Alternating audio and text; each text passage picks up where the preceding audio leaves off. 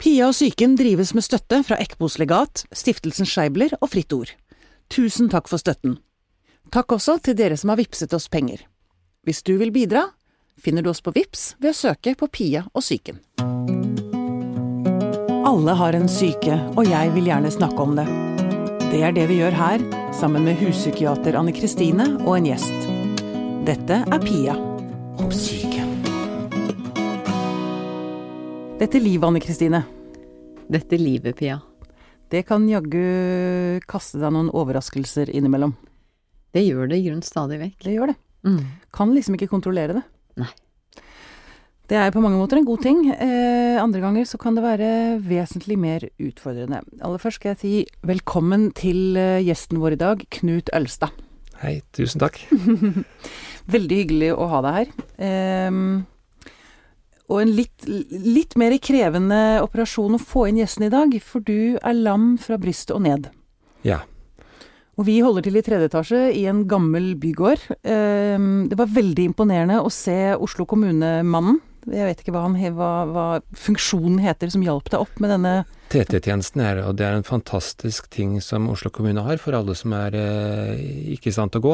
Mm. Hvor da man har en taxiordning som kan da frakte oss eh, rundt omkring i byen, og også i, inn i bygninger hvor det ikke er heis. Så de drar oss opp, putter oss på en tralle og drar oss opp på En sånn vinsjegreie. Det var helt veldig fascinerende å se på. Ja, så jeg må si at når man først skal ende i en ulykke som, der man blir lam, så er Norge og Oslo kommune et veldig fint sted å, Og at det skal skje. At det skal skje, ja. Ja. Vi, er, vi er sånn sett heldige her i Norge på mange måter. det, Ja. når det gjelder kropp og syke. Ja. Og hjelpen man kan få, må vi vel si. Du, eh, Knut. Du eh, levde et eh, liv hvor du ikke var så veldig sunn. Eh, og så bestemte du deg for å legge om livsstilen, og ble kjempesunn. Ja. Slutta å røyke og Ja, frem til jeg begynte å nærme meg 40, og det er et eller annet med gutter og 40, da, da, da, da skjer ting, Da skjer ting. Så jeg røyka 30 om dagen, og trente stort sett ikke noe annet enn å gå til og fra jobben, og det var det. Mm, Og likte å drikke øl gjerne tre-fire ganger i uken. mm. Og når jeg da begynte å nærme meg 40, og jeg våknet om natten av at det surklet og pep i brystet, så tenkte jeg at det her dette er ikke sikkert at det er den smarte måten å starte de neste 40 på. Mm, nettopp. Så da var det en kompis av meg som eh, meldte meg på Birken. Og jeg er veldig glad for at det, det var det året det ble avlyst, og det er jeg veldig glad for. For, jeg hadde jo Det hadde vært en garantert døden-opplevelse å sende meg ut og- over fjellet der sånn. Men da var vi seks karer som da hadde bankett. Og i og med at det ikke ble noe skirenn, så var man jo desto mer eh, entusiastisk og engasjerte på eh, banketten. Mm. Og da sånn i halv to-drag om natten så utbasunerte jeg at til neste år skal jeg gå under fire timer, det er garantert. Og da fikk jeg beskjed at eh, jeg var feit, og jeg ikke kunne gå på ski, og dette hadde de ikke noe tro på. Oi, akkurat. Du fikk Så- passivt påskrevet av gutta. Ja, det, gutter er kanskje litt mer rett frem, men jeg, det motsatte kjønn på det. Mm. Men det, var, det funket, det, så da måtte jeg bevise at de tok feil. Så neste år, neste år så gikk jeg da 3,42 på Birken. Fantastisk.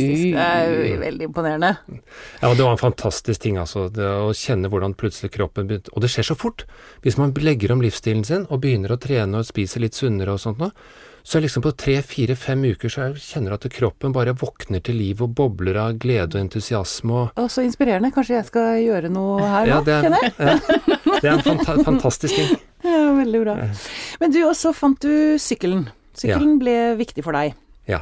Sykkel syns jeg var, er en fantastisk, eh, var og er en fantastisk treningsform. Mm. Du kommer rundt og får sett og opplevd litt mer ting enn også jogge, for da er det stort sett et par kilometer, så er, er moroa med jogging definitivt over. Åh, jogging er grusomt. Så, så jeg syklet og syklet mye, og fikk da også lyst til å dra ned til Frankrike og så prøve meg på Tour de, mange av de mest mytiske og legendariske Tour de France-fjellene. Mm. Så jeg var der en uke og syklet over da 25 kategoriserte fjell. 17.500 høydemeter, så var mer enn fra havet til den Galdhøpiggen mer enn det i stigning hver dag. Og syntes dette var en helt fantastisk uh, uke. Og sto på toppen. Ja, og sto på toppen, og siste dagen, siste fjellet, så skulle vi da eh, klatre Mont Ventoux, det mytiske franske fjellet som da har eh, vært så spektakulært i Tour de France-sammenheng og andre Mm. sammenhenger.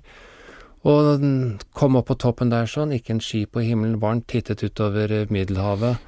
Aldri følt meg bedre, definitivt aldri vært bedre fysisk, uansett om jeg da var 45, eh, Mm. og syntes livet var egentlig Det kunne ikke bli bedre. Mm. Så da skulle vi bare, etter det skulle vi bare trille ned fra Mont Ventoux, og så skulle noen plukke opp syklene våre i, i bunnen der. Så skulle vi da eh, kjøre inn til NIS og drikke øl og kose oss. Ja. Så på den siste svingen, på den siste kilometeren etter å ha syklet 850 km, så kommer en krapp høyresving, og der kommer en bil mot meg som ikke holder sin fil. Som da er, så da må jeg hogge inn bremsene, kaste sykkelen til side for å unngå å bli kjørt på av den bilen. Og da vinner jeg århundrets lottogevinst med motsatt fortegn, Mm. når jeg da lander på en så presis måte at jeg da En ting er at du knekker ryggen, det kan skje, men at du også da kniper i stykker ryggmargen. Og, så når jeg da våkner opp da dagen etterpå, så var jeg ikke sann, hadde jeg mistet kroppen min. Mm. Så fra å være på toppen av Mount Ventoux til aldri være bedre i mitt liv, til å våkne opp på universitetssykehuset i Marseille, til å ikke kunne røre kroppen min, og ikke kjenne kropp, føle kroppen min, Mm. det var et uh, stor omveltning, for å si det sånn. Det, kan, det er vel det minste man kan si, ja. Mm. Du, eh, klarer du å beskrive følelsene dine og tankene du gjorde deg de dagene som fulgte etter at du våkna, og, og skjønte hva som hadde skjedd?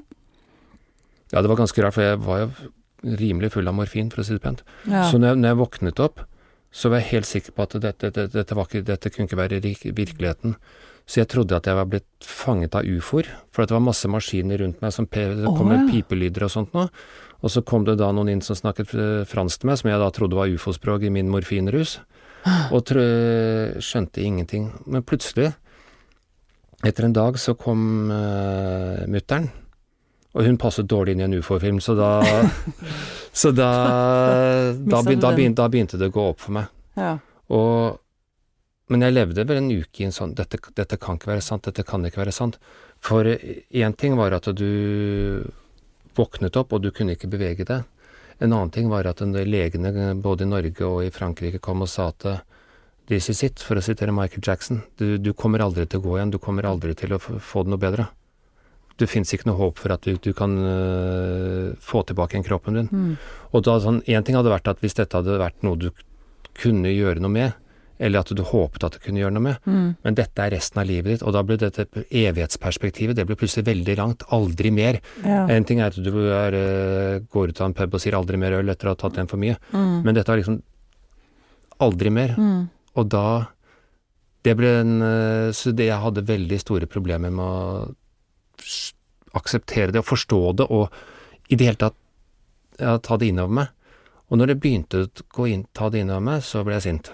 ja, det var raseri som var Ja, eh, og, og da, og da Mm. Men problemet da når jeg ble sint, var at jeg, hvem skal jeg bli sint på? Altså, jeg, Mm. jeg hadde ikke noe rette eh, aggresjonen min, min mot.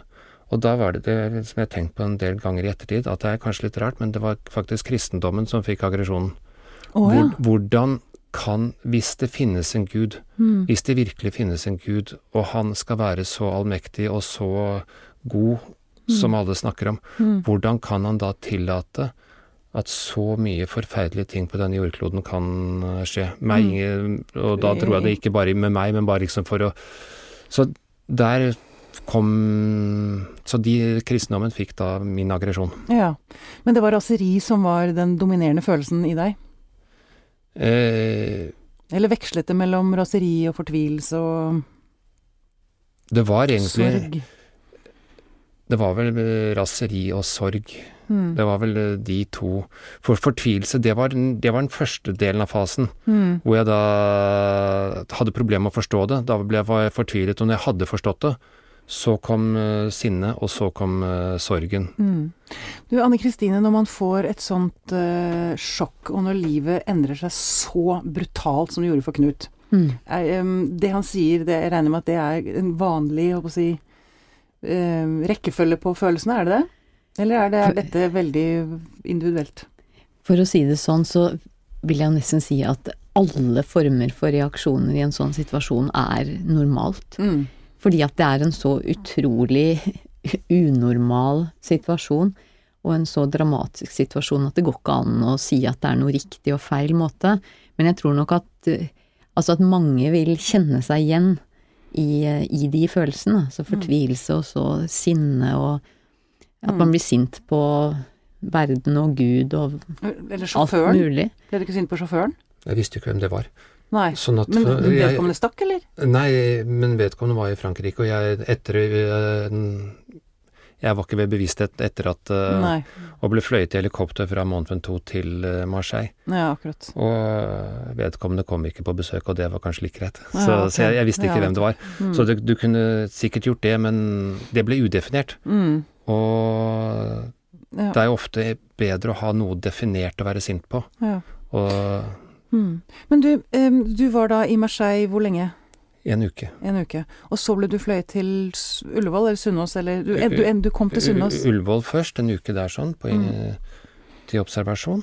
Og der, der sa de akkurat det samme som i Frankrike. Og i og for seg det sa de på Sunnaas også, at uh, du har fått en komplett ryggmargskade. Dvs. Si at uh, det ikke er noen signaler som nerveimpulser som går igjennom Mm. skadestedet. Og dette er, eh, dette er permanent, dette får man ikke gjort noe med. Nettopp. Og så kom du til Sunnaas. Eh, og da begynte du en slags rehabilitering. Ja. Mm. Um, og der Altså, du, noe som kjennetegner deg, deg, vil jeg vel si at du gir ikke opp håpet. Nei, når jeg kom til Sunnaas, så hadde jeg en del tanker med Og jeg husker en natt hvor jeg lå der og var sint. Og så tenkte jeg Knut, dette går ikke. Altså hvis du Hvis du lar hodet ditt bli sint og depressivt, så har du ikke bare mistet kroppen, du har også mistet hodet ditt, og hva, hva har du igjen da? Da har du ingenting, Knut. Mm. Og da kan du egentlig bare legge på røret. Så da, fant, og da spurte jeg meg selv liksom, vil, vil du det? Vil du legge på røret? Og Ja, du, hva, så- så, men jeg må spørre deg, du hadde selvmordstanker, eller? ja. Mm. Og så mm, fant jeg ut at nei, jeg vil ikke det. Mm. Og, og da var det sånn at da måtte jeg gjøre noe med det. Mm. For jeg, jeg kunne ikke fortsette å veksle mellom de tingene, og samtidig prøve å holde en fasade overfor omgivelsene, for det gjorde jeg, for jeg ønsket ikke at de skulle ta del i, i dette her sånn. Om- Omgivelse, du ville ikke at omgivelsene skulle Ta del i en del av de tankene jeg hadde inni meg. Det er litt sånn Du valgte å holde dem for deg selv? Ja, jeg, Mm. For de hadde ikke noe de kunne hjelpe med. Altså, så så det går nok over. Altså, den, den funket ikke på meg, for dette, det, dette var eh, permanent. dette går ikke over. Nei, dette går ikke over. Så Mm. derfor så Og da fant jeg den natten at eh, nei, jeg vil, jeg vil fortsette, jeg vil prøve. Og, og da var det en del ting jeg definerte at jeg måtte gjøre for å prøve å komme meg gjennom over på den andre siden. Komme meg gjennom dette over på den andre siden. Og det første var eh, håp. Mm. Eh, Selv om legen og kirurgen hadde sagt at det fins ikke håp, så sa jeg glem det, du må prøve å finne håp. Så da startet jeg mye jobb med å sette meg inn i hva denne skaden egentlig var, Mm.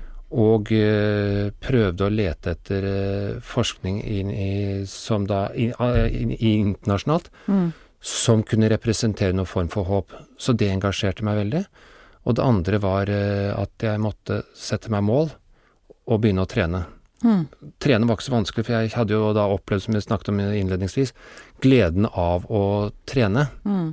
Eh, og pluss at det- hvis man er ordentlig sliten etter en god treningsøkt Det er ikke så lett å bli så sint, da. Altså, da er det vel mer endorfiner og Nei, litt mer sånn avslappet. Sånn, så det, jeg tok ut mye frustrasjon på treningen, og så satte jeg meg mål. Selv om jeg, altså sånne helt banale mål for dere. Eh, kunne, kunne, kunne ta på meg buksene igjen. Ja. Altså på det nivået der, sånn som uh, dere Mm. tenker tar som den største eh, Alle tar som den største selvfølge, selvfølgelig. mm. Så må, uansett hva slags mål det er, så finner jeg en glede i å opp, prøve å nå målene. Mm. At man blir litt konstruktiv mot det. Og det siste var at uh, når jeg hadde venner på besøk, og det var jeg veldig heldig og hadde ganske mye av, Mm. så ville jeg ikke snakke om ulykken. Ikke snakke, og ikke snakke om de, at jeg var blitt lam. Og det hadde ikke noe med at jeg ikke kunne snakke om det, men det hadde noe, snakk om, med noe om at når jeg da snakket med venner og sånt, så og hører om det dagligdagse livet deres Ja. og, og Fylle sånt gjerne med andre ting enn ja, sånn, sånn at det- jeg mm. var jeg, jeg satt i stolen, og den satt jeg i 24 timer i døgnet, og at da skulle fokusere på den, det, det var så mye deiligere å kunne fokusere på det vanlige, normale livet som andre hadde, Ja. og på den måten skape en, en trang til å kom, prøve å komme dit igjen. Mm. Pluss at det, det Jeg kunne jo fått all den medlidenheten jeg måtte ønske. Og det tror jeg ikke er så sunt hvis man blir dullet og lallet og Nei. stakkars deg eh, med, med mental, mentaliteten. Mm. Det gjør ikke noe godt for meg og min syke, og det gjør ikke noe godt for omgivelsene heller. Altså, da vil jeg bli en sånn som tapper energi fra vennene mine. Jeg hadde lyst til å heller være en som kunne De ville ha lyst til å ringe til ikke en for at de måtte, for nå har det gått så lang tid at herregud, nå, nå burde jeg Nå, å herregud, ja, nå må jeg ringe han. Men du, jeg spørre deg, Anne Kristine, når det Mm. skjer sånne katastrofer, de som er rundt Mm. eh, Knut sier jo veldig tydelig her at medlidenhet er eh, Og jeg, jeg skjønner det veldig godt. Altså, medlidenhet, det hjelper liksom ikke. Men altså, For man kan bli redd. Jeg tenker at man kan bli redd og trekke seg unna fordi det blir så vanskelig å deale med. Jeg vet ikke om Mm. du opplevde det, Knut? At, at noen Det, trakk seg det, unna var, det var flere som sa det, men når de da traff meg, Mm. så sa de at denne frykten var ubegrunnet fordi at Ja. jeg, jeg var på en måte meg selv. Ja, Mm. ikke sant. Så Men uh, har du noen, noen håper å si, råd eller tips til de som, som uh, står på siden av en sånn ulykke? Eller en, når, når livet endrer seg så brutalt? Det er jo altså, hvis man klarer å være ærlig, Mm. eh, så går det jo an å snakke om det. Altså det går jo an å da si det at vet du, nå er jeg jammen ikke helt sikker på hva jeg skal si. Mm. Fordi at det er eh, som, som Knut trenger, sier, eller mm. Nei, altså være ærlig på det. At vet du, jeg har så lyst til at, å opprettholde kontakten, Mm. men så blir jeg litt sånn redd for at eh, jeg skal være påtrengende hvis jeg spør, men samtidig er det noe unaturlig å ikke spørre, og du, hvordan skal Mm. vi gjøre dette her? mm. For, eh, for det fins jo ikke noe finnes jo ikke noe fasit, og man må jo prøve seg fram. Mm. Men eh, som Knut sier, det er veldig få mennesker som trives i en offerrolle. Ja. Men fikk du noe psykologi, psykiatrihjelp på Sunnaas? jeg hadde gode tilbud om, om det. Men du ville ikke? Nei, jeg valgte å Og det, det var litt fordi at jeg syns det Jeg hadde to timer, og det gjorde det ikke for meg. Altså, jeg, følte ikke at jeg At det, at det ga meg så mye. For, for, fordi jeg jeg hadde staket opp en vei som jeg hadde tenkt gjennom hvordan jeg skulle komme meg gjennom dette her, sånn, og, så, og det syns det, det fungerte Mm. ganske godt. Men jeg har lyst til å bare si en ting som jeg, som jeg syns var en ganske god illustrasjon på hvordan jeg da øh, omgivelsene ikke ville akseptere at jeg skulle klage for mye også. Mm. Og det var øh, første gangen jeg kom hjem fra Sunnaas, første helgen, Mm. og hadde da fått en, ut- en lå på lån, en øh, rullestol som jeg kunne bruke i dusjen som tålte vann og sånt noe. Den var gal, så den hadde små hjul, så det var umulig for meg å operere. Okay. Og jeg ble sur, og øh, Faen i helvete, unnskyld. Nei, det er greit, det er lov å banne her. Og så plutselig så, så kommer øh, kjæresten min, og så bare triller meg midt ut på stuegulvet. Og så sa hun at vet du hva, dette gidder jeg ikke å høre på. Jeg henter deg når, når jeg er ferdig. Ja. jeg, der satt jeg, de hjulene var for små, jeg kunne ikke gjøre noe. Og da var det sånn, putter man seg selv i offerhånden. Herregud, hun kan da ikke mene dette her sånn, og stakkars meg, og hun må jo ha mer forståelse og sånt. Det var mine første tanker. Mm. Så etter ti minutter så Ja, men nå burde du jo i hvert fall skjønne at det Mm. Så etter 20 minutter, så, så etter en halvtime, så var det sånn Ja, jeg blir nå. Nå kan du hente men men det, de gjorde noe det, de, de, gjør noe bra med deg også. At ja. du, du, du For du har et ansvar også. Når man har det vanskelig, så skal man ikke glemme at man påfører, kan påføre også omgivelsene store byrder. Mm. Og at det er ikke bare fordi man selv har det vanskelig, altså utbasonere og på en måte trykke andre ned. Fall, og det var kanskje det jeg gjorde den, ved den anledningen der, sånn, og fikk da veldig klart påtale om at jeg skal være det, jeg skal hjelpe for deg, men jeg, jeg er ikke noe sånn som skal sitte og du kan ta ut aggresjonen på. Mm, nei, nettopp. Men det, det høres ut som du har jo eh, lært deg selv og din egen syke veldig godt å kjenne gjennom eh, denne erfaringen. Hvor mange år siden er det nå? Fem år siden. Fem år siden. Og det På godt og vondt. Men du kan si den delen der sånn, jeg tror jeg har kommet meg gjennom det ganske bra nå, men det går jo ikke en time eller eh, en halvtime i døgnet hvor jeg ikke tenker på at jeg skulle ønske jeg kunne få tilbake igjen kroppen min. Nettopp. Og, og så, men, men du lærer deg på en måte å leve med de tankene også. Ja. Og så Og så lærer du deg å leve med også alle de begrensningene dette medfører. At du, det, er, det er mange ting du ikke kan gjøre. Jeg kan ikke sykle på samme måten. Jeg Mm. kan ikke gå på ski, jeg kan, det, altså, det er masse sånne ting. Jeg kan ikke dra på konserter. Eller du kan gjøre en del av disse tingene, men jeg er sånn, hvis jeg drar på konsert, så er jeg litt utrygg overfor masse folk som har uh, Drukket og sånn, ja. Ja. Mm, mm. Men du, um, det er jo nærliggende å tenke at man etter en sånn opplevelse blir bitter. Ja. Som du Eh, sier, å rase mot Gud og omstendighetene og Ja, men eh, etter at jeg da hadde den der diskusjonen med meg selv om uh, vil du fortsette å leve eller vil du ikke, mm, så i forlengelsen at ja, det ønsker jeg, så har jeg da også lært at det er, man har det mye bedre hvis man da ikke gjør det. mm, Ikke blir bitter. mm, Og hvis man da Altså, jeg har klar, eh, klart også progra eh, Om jeg programmerer jeg, Iallfall hvis jeg, når jeg blir bitter eller sint, så prøver jeg hele tiden også å gjøre andre ting. Og, og fokus, prøve å jobbe med at jeg ikke skal bli der, i den sinnstilstanden. mm. Du tillater ikke å la den ikke. spise deg opp, liksom? Nei, og det er kanskje litt annerledes Det må ha vært ganske hard jobbing, tenker jeg. Ja, og det, det er kanskje litt på trass av noe som mange andre som sa at du må, du må kjenne på bitterheten, du må kjenne på dette. Sånn at når jeg har valgt en litt sånn annen tilnærming Nei, jeg, jeg vil ikke kjenne for mye på dette, for hvis jeg kjenner for mye, på dette, så, så graver man seg ned i det. Mm. Så det, det, er- det er liksom to måter å gjøre dette på. Enten også gå veldig fokus på det, eller så kan man da søke seg til den andre enden av skalaen. At man da eh, ikke ønsker å tenke så mye på det, men da heller prøve også å snakke med venner om uh, snøen som falt i fjor, eller uh, altså eh, no, Mm. no, noe hyggelig, noe gå noen turer, og så snakke om de samme rosebuskene der borte som burde klippes, eller altså Ja, ja, ja. Så, sånne ting som da gjør som, Og for meg så er det viktig at hvis man skal få noe livsglede igjen, så kan man ikke bli for lenge i, i ulykken. Man må på en måte Det var da, og så må man gjøre det beste ut av nå. Og det beste ut av nå, for meg i hvert fall, er ikke å tenke på det som skjedde da. Nei. Da er det mer bedre for meg også tenke på hva kan jeg gjøre med livet mitt fremover nå, hvordan kan jeg få til dette best mulig, er, hvilke muligheter og alternativer har jeg, tenke konstruktivt og sette opp mål og liksom prøve Mm. mot den retningen der sånn. Jeg vet ikke, jeg vet ikke om du er enig med meg at eh, Jo, for det, det du beskriver, det er jo en form for akseptering. Altså, du har akseptert at det er som det er, og så er du på en måte ferdig med det.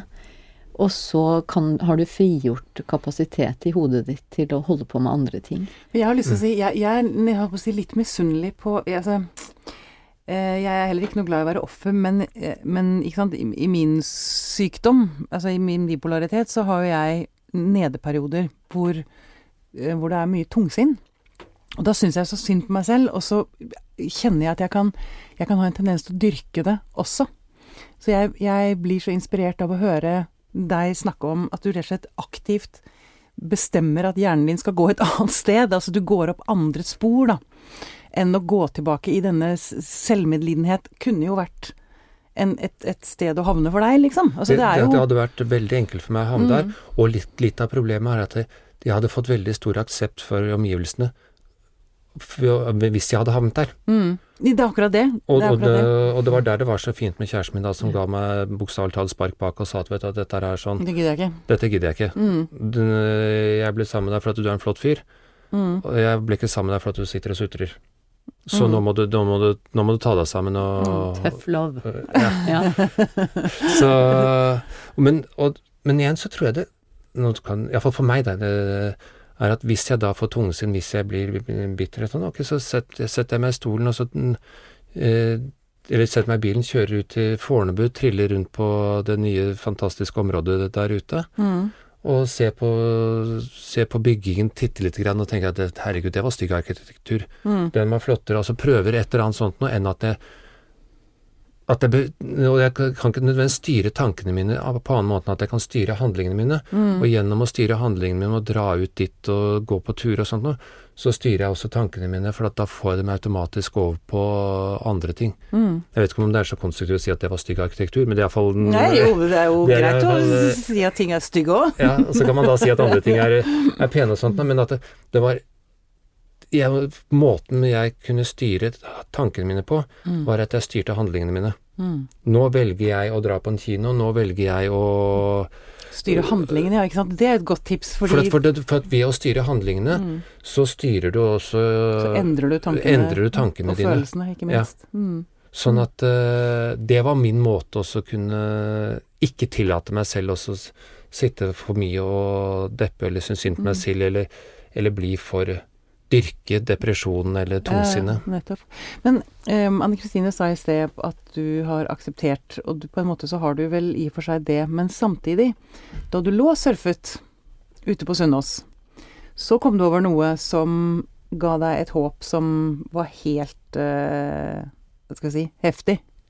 Ja, det var eh, eh, igjen en natt på søndag Mye som skjer på natten der så lå jeg også da kom jeg over en liten YouTube-snutt på 1 minutt og 23 sekunder, Mm. hvor en professor Irving Wiseman på Stanford beskrev at de hadde fått uh, mus til å gå igjen ved bruk av uh, rendyrkede nervestamceller som de hadde fått utvik ikke utviklet, men som de hadde funnet en måte å rendyrke på. Mm.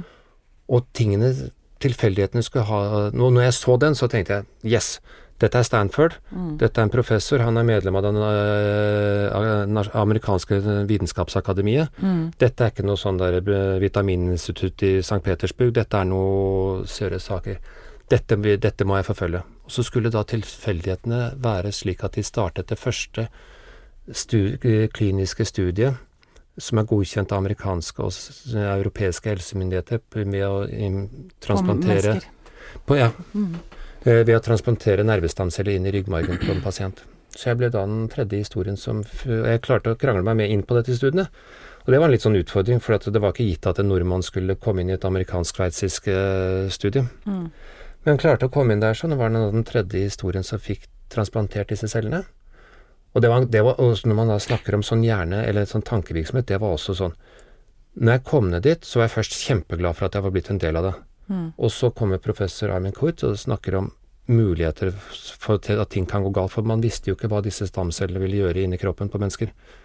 Og da var sånn på den ene siden så kunne disse gitt meg kreft i ryggmargen, og da hadde jeg ikke sittet her Eller det var en teoretisk sjanse for det, Mm. og da hadde jeg ikke sittet her. Eller så kunne det være en, da, en teoretisk sjanse for at de kunne ha noe effekt. Noe som da ville være første gang i historien. Og jeg husker når jeg da Natten før transplantasjonen så var det mye rare tanker som eh, gikk rundt i hodet det på hva vil dette bli. Og ikke minst også ukene etter at jeg hadde fått uh, transplantert disse cellene. Hva skjer? Mm. Og så, etter seks uker, så plutselig så begynte jeg å kjenne at det noe av følelser som jeg hadde da nedenfor uh, brystet, be- begynte å komme tilbake når jeg begynte å kjenne ting som jeg ikke hadde kjent etterpå.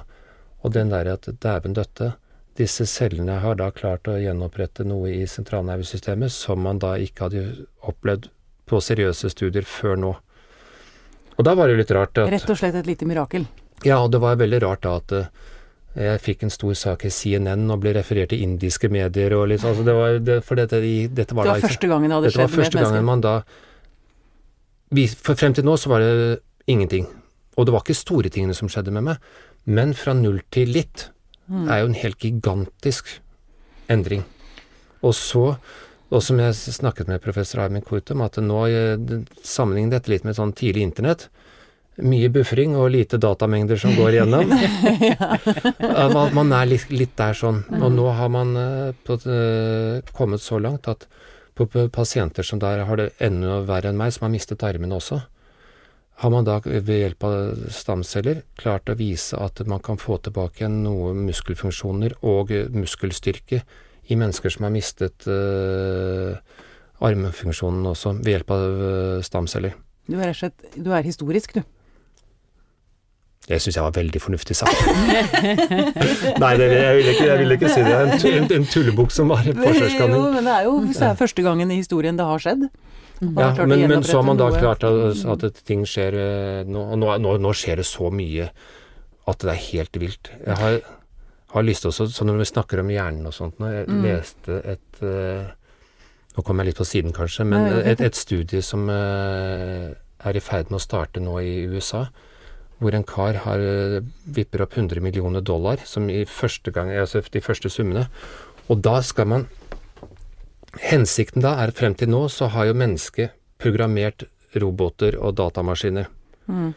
Hele hensikten med dette studiet er da at eh, ved hjelp av kunstig intelligens så skal man eh, maskiner da kunne programmere hjernen ved at man går inn og hacker nervesignalene som er inni hjernen.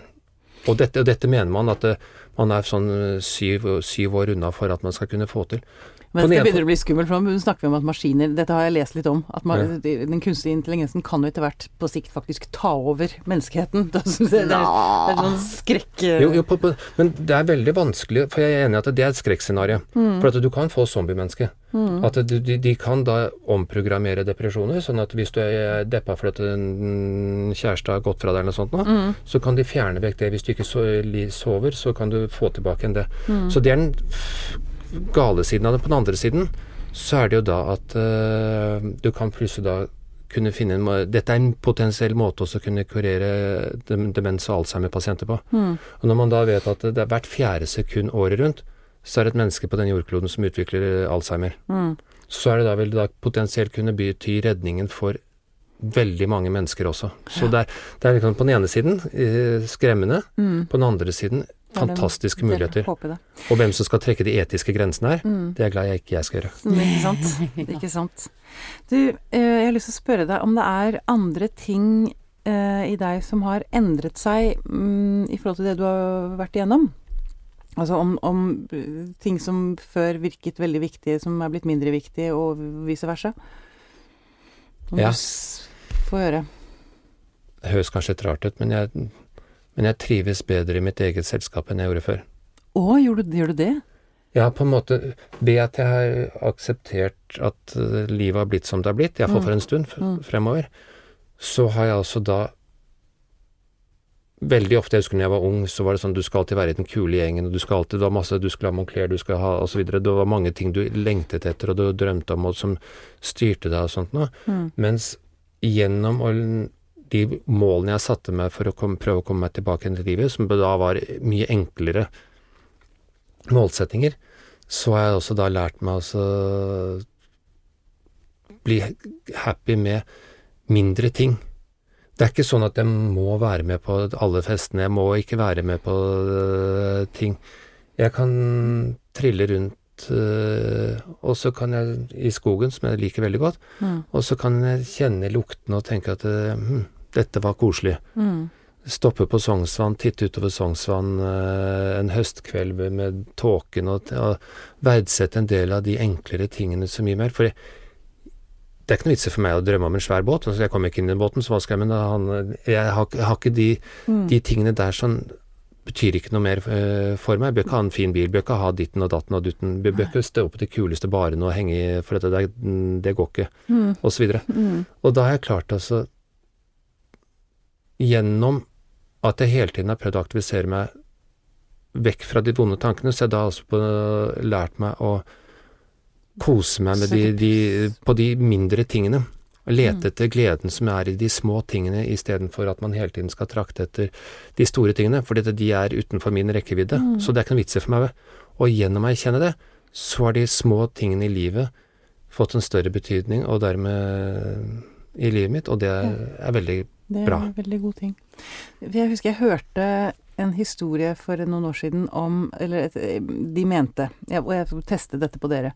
Hvis du tar to mennesker, og så gir du den ene vinner ti millioner, og den andre mister førligheten i bena, så vil da altså, gleden være ekstremt høy hos den som vinner, og lav hos den som mister førligheten.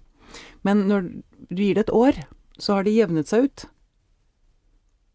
Er, er dette sant, eller er dette bare en eh, myte?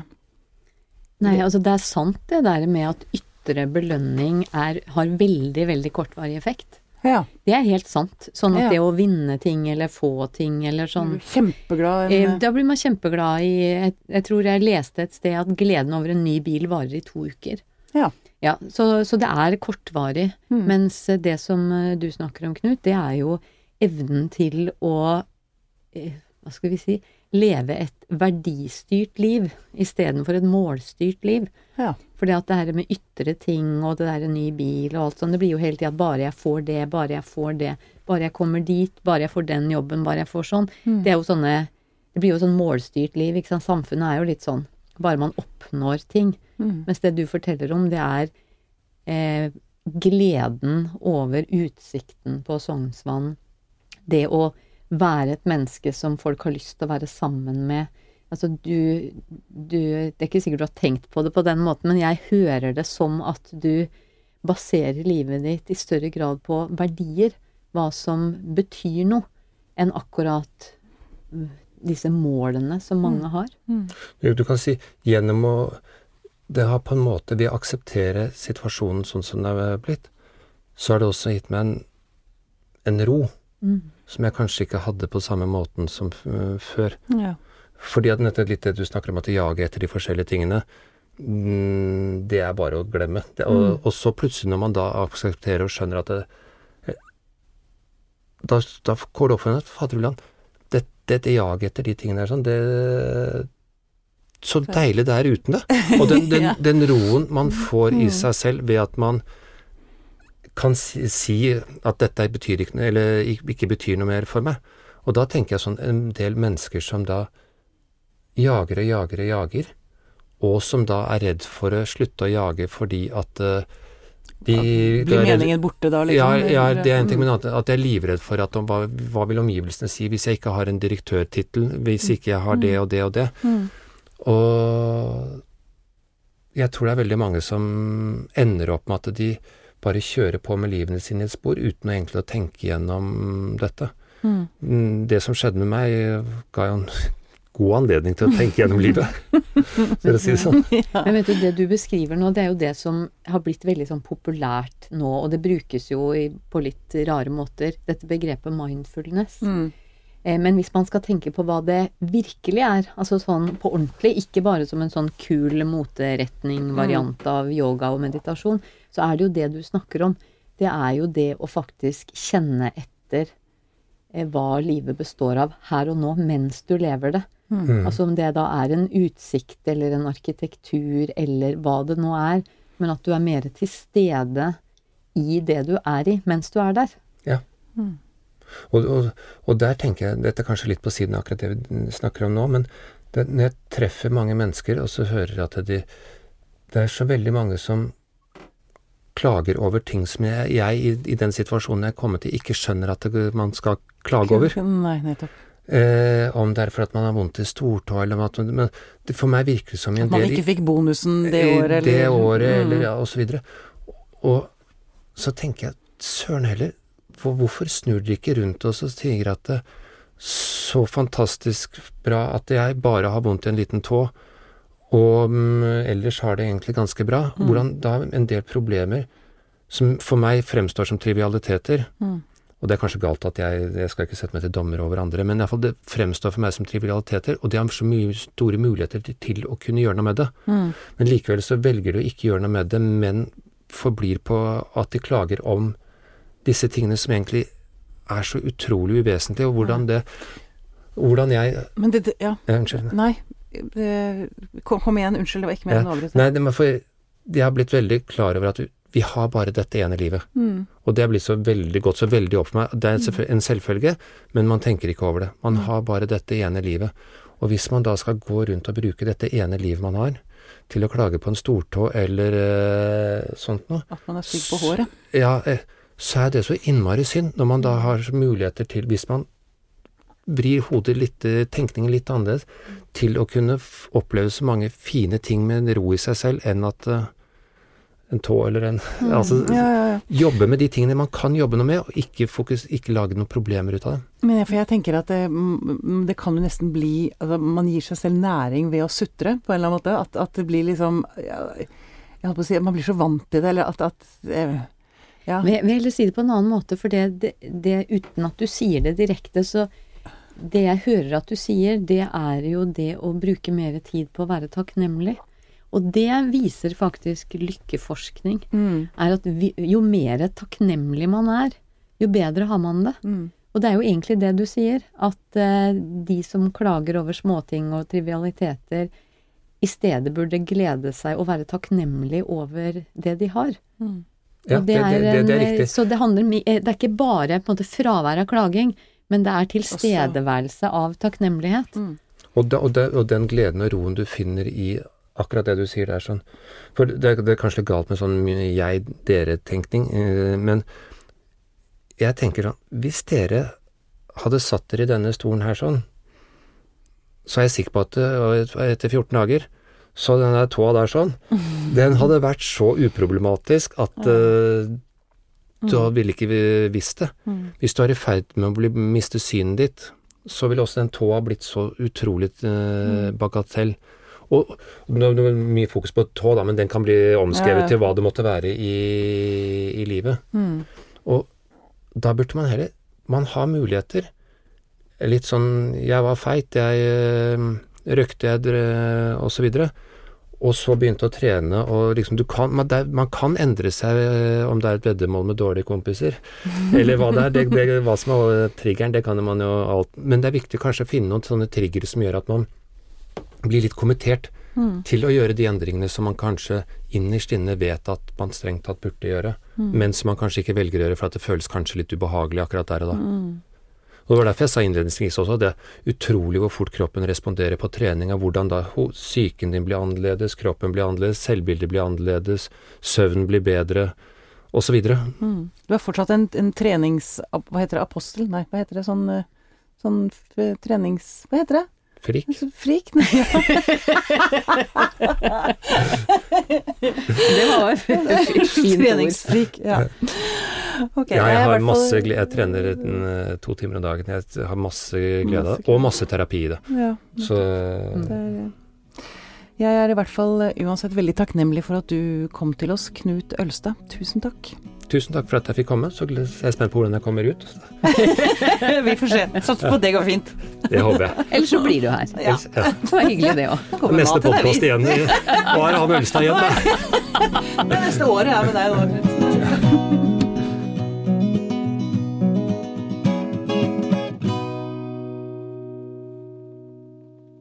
Denne Podkasten er produsert av Tid og Lyst.